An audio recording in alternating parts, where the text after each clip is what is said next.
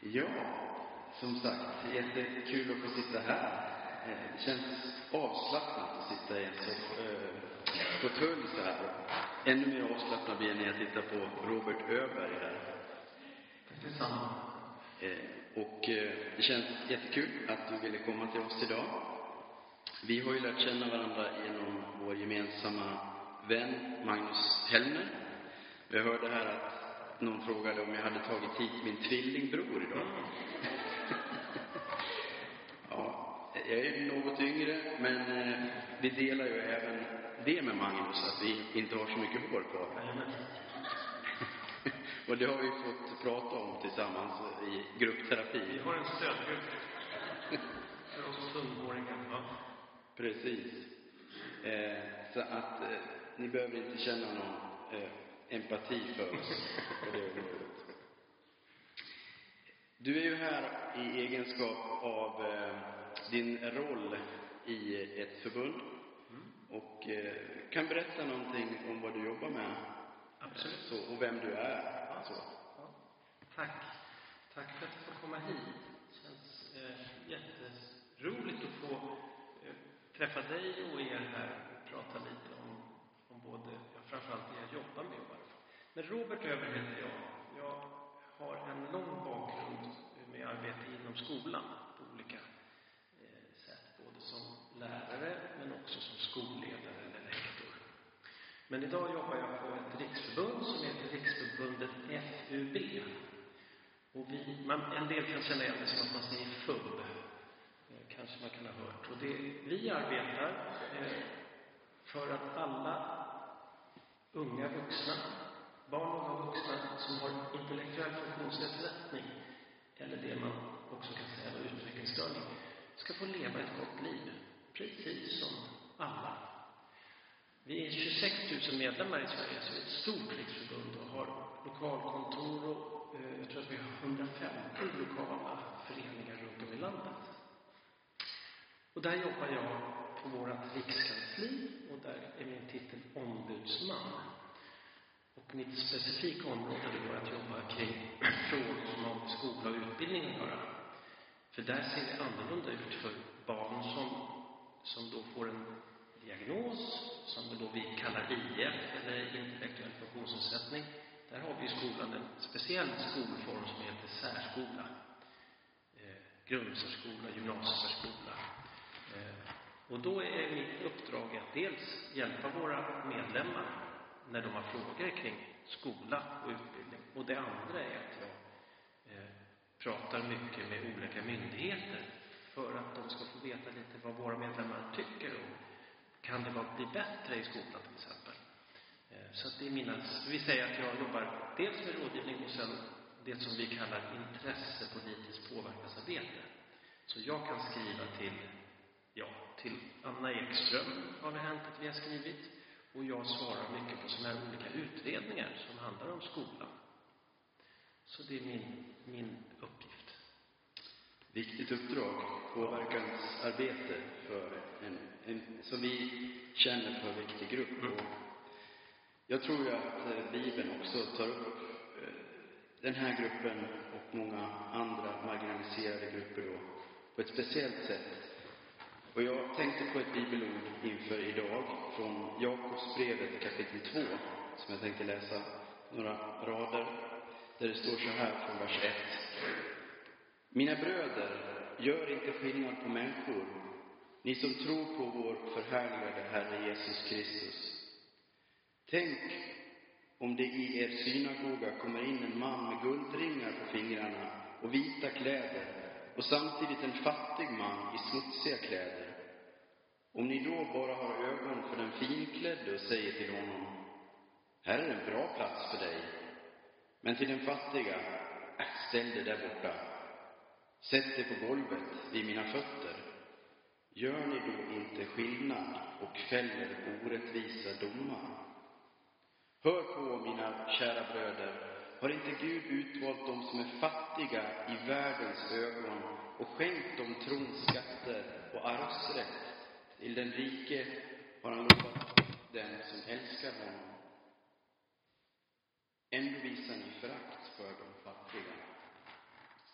Och det här tycker jag är ett talande ord för vad jag upplever omkring vår värld och den grupp som du jobbar med.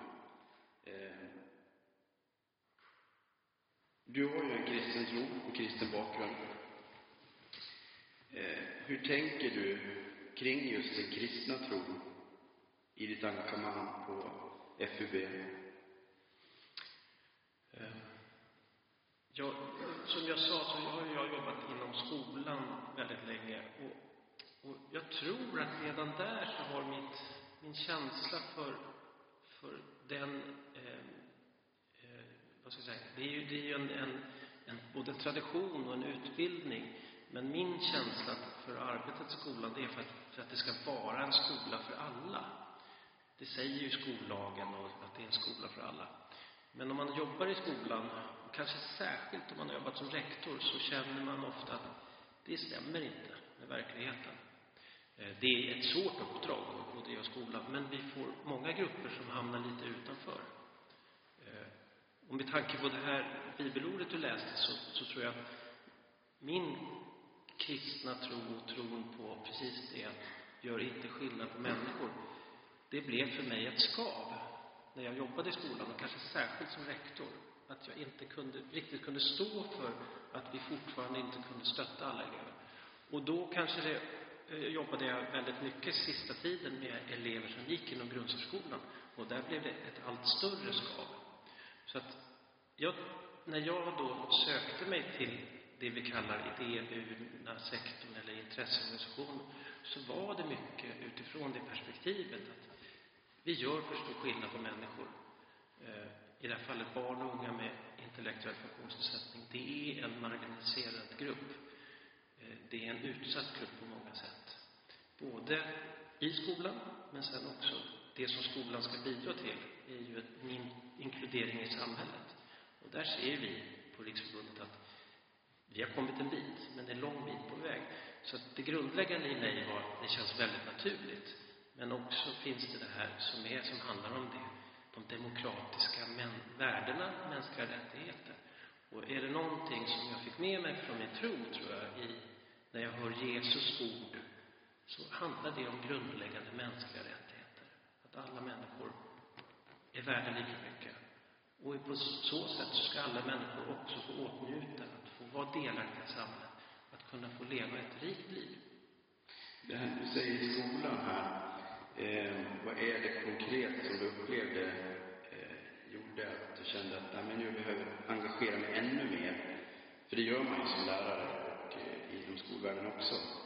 Men eh, var något speciellt? Det grundläggande om man pratar om barn då som, som vi kallar går i särskolan, barn med intellektuell funktionsnedsättning, att, att vi har i, i Sverige ett segregerat skolsystem. Jag har en kompis, Daniel, som är forskare. Han har alltid en så bra bild, för han, han gick i, för, i förskolan. Jag, jag gick i skolan som hette Lekis. Och där hade han en bästa kompis. Han kunde se att det var ju någonting så annorlunda med henne. Och jag tror att hon hade Downs syndrom. Det visste inte han, hon var sex år. Och så började de skolan och då, i första klass, då var inte hon med. Var är hon någonstans? Sen senare fick jag förstå, ja, hon går i den där lilla gruppen där på andra sidan skolgården där de är sex stycken barn som är lite utanför oss. Han tappade fysisk och känslomässig kontakt med henne. Så ser skolan ut i vårt system. Eh, och det kan man ha många synpunkter på. Det, har, det har hänt mycket med svensk skola för den här gruppen. Men det är fortfarande en del som jag kopplar till att är det så vi vill ha en inkludering? Och vad gör det med unga vuxna och deras möjlighet att vara med i samhället? Så, att, så att det, det, det är den drivkraften. Och jag tyckte som sagt att jag, jag kanske kan jobba utifrån. Jag älskar skolan och saknar den jättemycket. Men i viss mån så kanske jag också kan använda det jag kan till att påverka att det, det kan eh, ske några förändringar. Mm.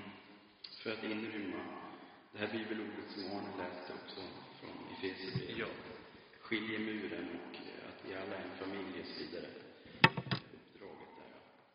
Det är ju en väldigt fin ambition tycker jag. Att gå in i det här arbetet med.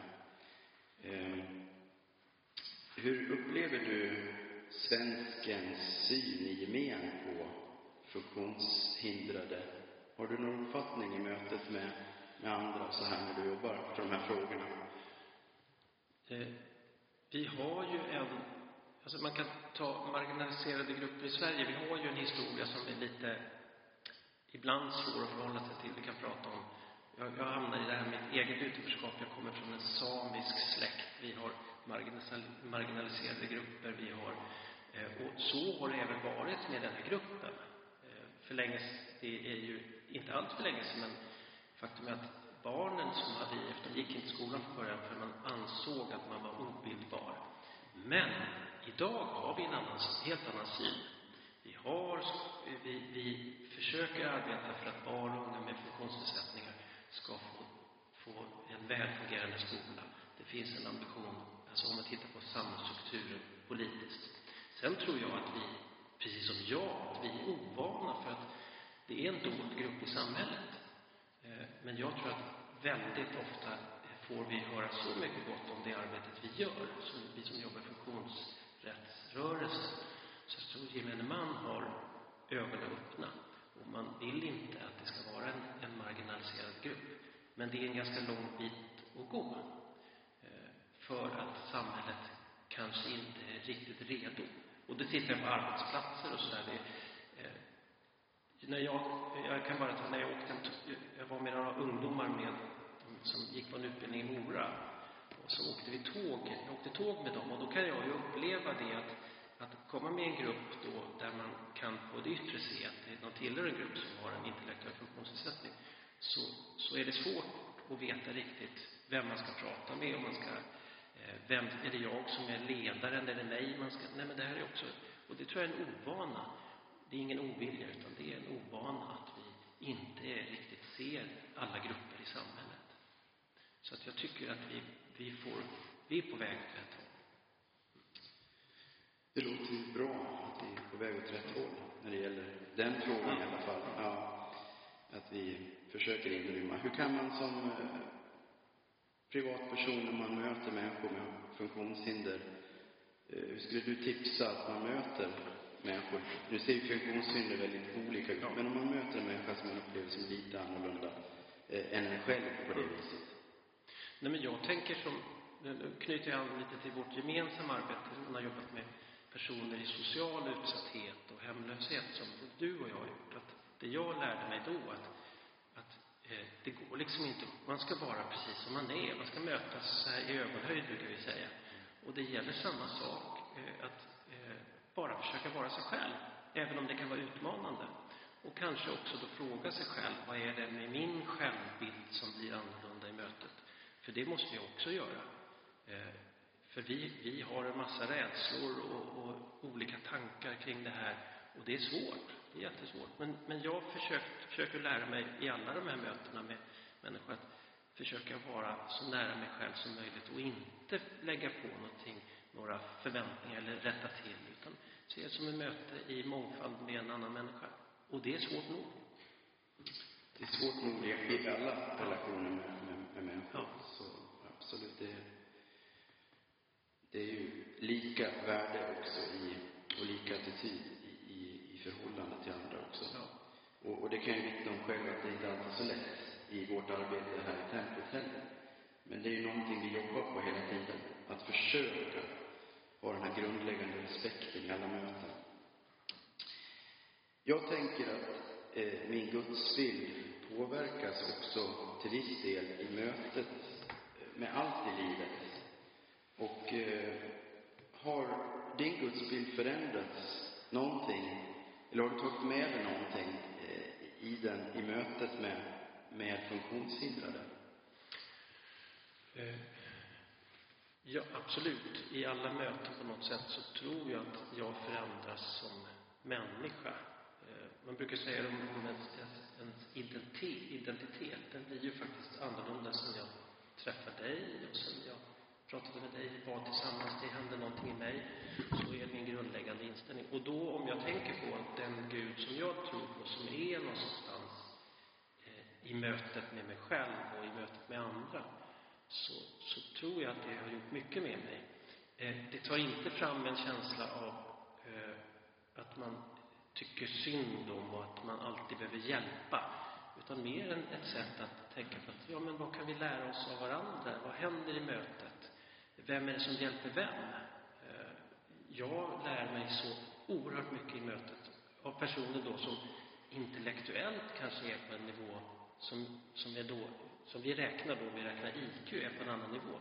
Men de lär mig ju mycket mer. Och kan jag vara öppen för det så tror jag och förstå den rikedomen i mångfald, då kan jag ju också komma närmare det som jag tror på, som är kärlek och respekt och eh, att tro på självständighet, tro på människors förmågor. För det, det är någonting som jag ofta ser när jag jobbar mot skolan. Att barn, eller våra, ja, min tro på elevens förmåga kan vara väldigt låg. Jag har låga förväntningar. Och vad händer med en människa som möts av låga förväntningar hela tiden? Det är att man inte får möjlighet att tro på sig själv. Eh, det ska vara rätt att tro på sig själv, drömma, önska. Eh, alla människor har den rättigheten. Det är en mänsklig rättighet. Och där tror jag att jag är i min gudsbild. Och då blir den ju både starkare och den kan ibland bli också eh, jag kan behöva möta det jobbiga i det. Och i det fallet kan jag ju använda Gud som tröst. Sen brukar jag tänka på en annan sak. Eh, min barndom, uppväxt i, i, ett, i ett religiöst samfund, var ofta förknippat med utanförskap. Eh, jag var utsatt för mobbing. Nu hade jag, alltså det var så på den tiden, på 70-talet när jag växte upp. Det var ganska tufft att vara kristen. Så det kan också slå an en ton, en, en tillhör... Alltså jag känner igen mig i det här sättet att vara utanför. Eh, och då kan jag ju också förstå, vara ödmjuk inför det eh, och försöka mötas i det. Men jag tror på det där. Eh, och det som händer, tror jag, ofta i de här mötena med, där man själv får försöka hitta någon närvaro, det är att det blir väldigt ärligt och transparent. Jag kan inte spela någon roll, utan jag är kanske så nära mig själv jag kan vara. Och det är ju jättesvårt, men, men det hjälper mig. Och det kanske är så att vara... Eh, jag tror att Gud vill se mig så, precis som den jag är, utan det jag gör. Och det inte, handlar om inte mina prestationer, utan ja, det är den, den där kärnan av Robert och den där kärnan av Daniel. Precis just den här, eh, tänker jag, den jag är. Eh, för jag upplever ofta då i mötet med de som har det väldigt jobbigt att man är ganska mycket sig själv har skalats av. Och, och så, det är ändå lilla erfarenhet jag har av funktionshindrade också, att det finns en, en ärlighet där i, i kognitivt funktionshindrade eh, som inte vi alltid ser i vårt samhälle. Eh, där det känns som att man kommer väldigt nära det äkta mänskliga på något sätt. Eh, och är befriande. Mm. Maskerna raseras och man kan känna att, ja men nu kan jag också vara mig själv. Sen är det ju en, en, en heterogen grupp såklart. Eh, så att det är, eh, och, och man kan ibland få säga, ja, man kan höra personer med Downs syndrom, de är så glada, ja, men de är människor precis som vi. Så att jag tror att det där, att, att det skala av det där och se människan där inne. Och här har vi ju en, en utmaning alla, för, för också, vi har inte ett inkluderande samhälle på det sättet. Vare sig det gäller socialt utsatta eller om vi tittar på integrationen eller den här gruppen. Så att här, här är det, kan det vara svårt i mötet. Man får vara ödmjuk för det och det är jag verkligen. Men, men kan man hitta den där kärnan som du säger och den där, då blir det faktiskt väldigt mycket närvaro i det. Mm. Närvaro, precis. Eh, och lite rörigt ibland. Ja. Så jag tänker på om vi har samlingar här nere. Ja. Ibland, eh, det, både den ena och den andra som kanske inte vi träffar vardagligdags sådär och det kan bli ganska rörigt ibland. Men det blir också djupt mänskligt på ett härligt sätt, ofta. Eh, och det, det är något skönt med det där. Eh, för vi i Sverige, vi är så bra på att spela våra spel och passa in hela tiden. I den här fina kulturen som vi tycker ibland att vi har, sådär. Jesus talar ju mycket om de marginaliserade i evangelierna. Varför tror du han gör det? Ja, men han, jag, jag tror att han på det sättet var den här eh, personen som såg igenom trångsynthet och uppsatta eh, regler för att man ska kunna särskilja på människor. Eh, jag tror att han såg det på grund av att det är inte rent, det är inte kärleksfullt. Vi når inte varandra. Vi kan inte, som i det här fallet, bedöma människor utifrån, i det här fallet rikedom eller fattigdom. Ifrån mitt fall utifrån IQ eller ifrån hudfärg. Jag tror att han, han såg över det där och det handlade om att hans, för mig var hans budskap, om man försöker hitta någon, det, det handlar ju om att totalt se människor exakt ha samma värde. Alla är lika värdefulla och ska åtnjuta samma möjlighet till ett, till ett liv, eh, både fysiskt och mentalt. Jag tror att det var väl det som eh, han gick emot, eh, att det fanns en särskild vilka som fick tillhöra ett, en församling, en, eh, få vara i templet. Fick, jag tycker när, det som ofta kommer till mig är kvinnan i Sykars brunn, samariska kvinnan, där han slog liksom hål på så många delar i, i det som vi fortfarande ser idag. Men där han, han inte ens lärjungarna förstod ju riktigt. De, de tänkte, vad gör han nu? Pratar med en samarisk kvinna. Hon var både kvinna och hon... Alltså, det säger väldigt mycket om att han såg, gjorde inte skillnad. Han såg att alla behöver samma budskap av frihet, kärlek, rättigheter. Så jag tror mänskliga rättigheterna kommer ju ifrån hans liv och gärning. Precis, det gör ju faktiskt det. De mänskliga rättigheterna har en kristen grund det är just utifrån Jesu undervisning om eh, lika värde. Eh, att riva olika skiljemurar mellan människor. Eh, och då tänker jag på det här med diagnoser bara kort. Det gör ju att man får ändå någon slags stämpel att du är på det här sättet. Det har ju varit öppet för debatt och jag vet Uppdrag granskning har gjort något nyligen om det här också. Att det är lätt att bli stigmatiserad genom att få en diagnos. Och samtidigt så är också det en förutsättning för att få rätt medicin och så vidare. Hur tänker du om det? Nej, men jag tror, tror att, att eh, eh, det, det, är, det, är en stor och svår fråga. Kommer man från skolan så, så tror jag i viss mån eh, man kan se att eh, vi har hamnat i en värld att man måste ha en diagnos för att få hjälp. Om man tittar, går man i skolan och har en, en till exempel en neuropsykiatrisk eh, funktionsnedsättning eh, och behöver hjälp med koncentration eller annat stöd så, så har det blivit så att då behöver man ha en utredning på det. Så att vi kanske hamnat i den där att eh, ska vi utreda allting? För jag menar, vem, jag har säkert också en personlighet som innehåller väldigt mycket. Eh, är det ett sätt att, det blir stigmatiserande. Sen behöver vi det också, men nu har vi kanske hamnat i den delen där det är en överdiagnostisering. Sen tror jag vi har ett grundläggande problem som, som slås an i skolan och som fortsätter i samhället. Det är ju mångfalden. Att om vi får en massa olika små grupper där, där människor, barn inte möts och inte får möta olikheter och andra personligheter, kanske andra svår, svårigheter, då blir ju de här grupperna marginaliserade.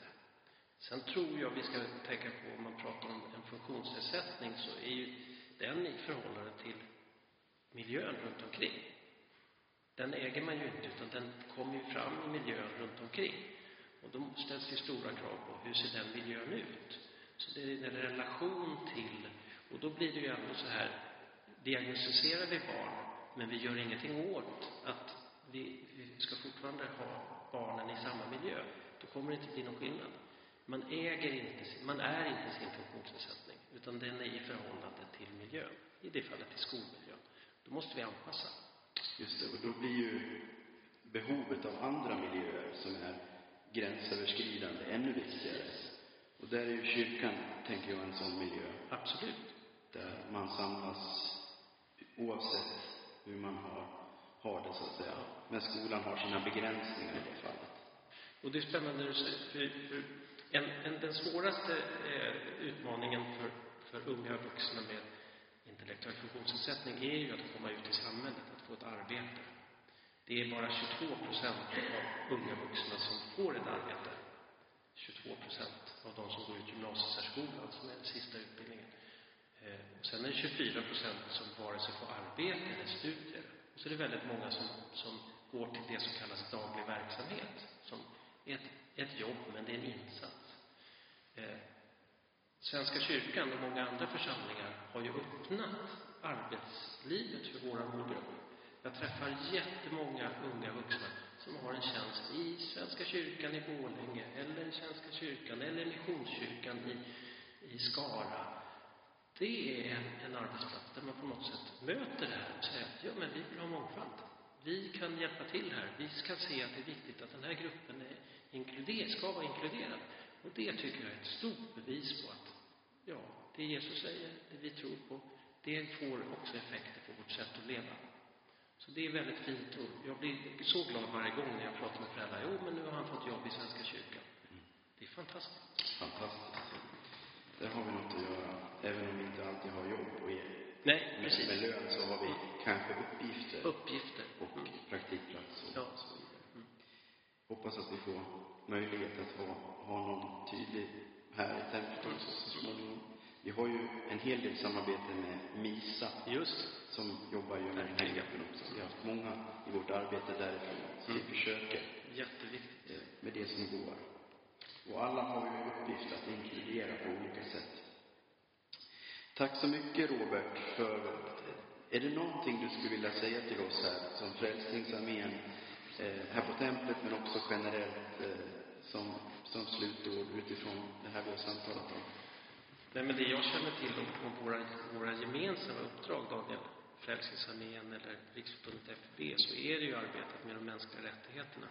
Och det känns ju, i min, där jag jobbar med det jag jobbar då som är en, en idéburen, så vet ju vi vad det betyder med kyrkans arbete. Det är dagligdags i mitt arbete och det är väldigt fint att se ut efter det sam, samtalet vi har. Och jag tror att, att vi ska fortsätta med det och kanske hitta nya samarbeten, att och ännu mer tänka på hur får vi ett inkluderande samhälle eh, som Jesus sa. Vi gör inte skillnad på människor, utan vi ser den där kärnan och ser hur kan jag möta varje medmänniska. Så, så tänker jag. Mm. Goda tankar, tycker jag.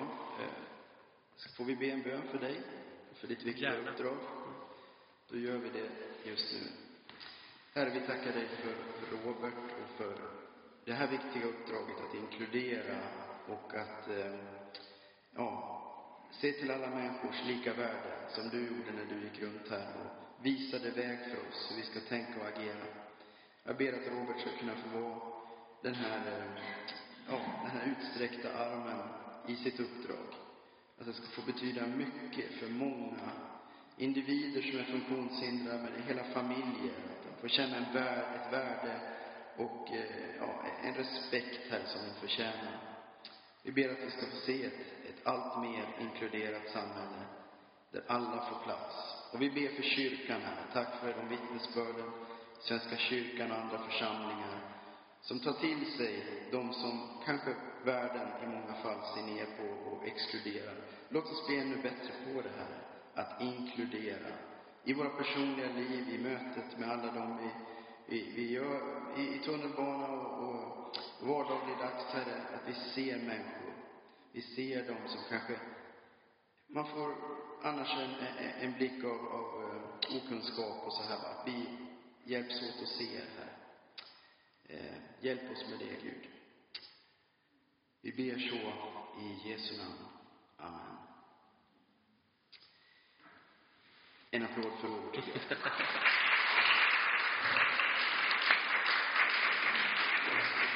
Och varmt välkommen tillbaks hit så småningom också. Gärna. Och vi ses i det sociala arbetet framöver. Det gör vi. Robert är också med i Ny Gemenskaps styrelse, som är samarbetspartner med oss.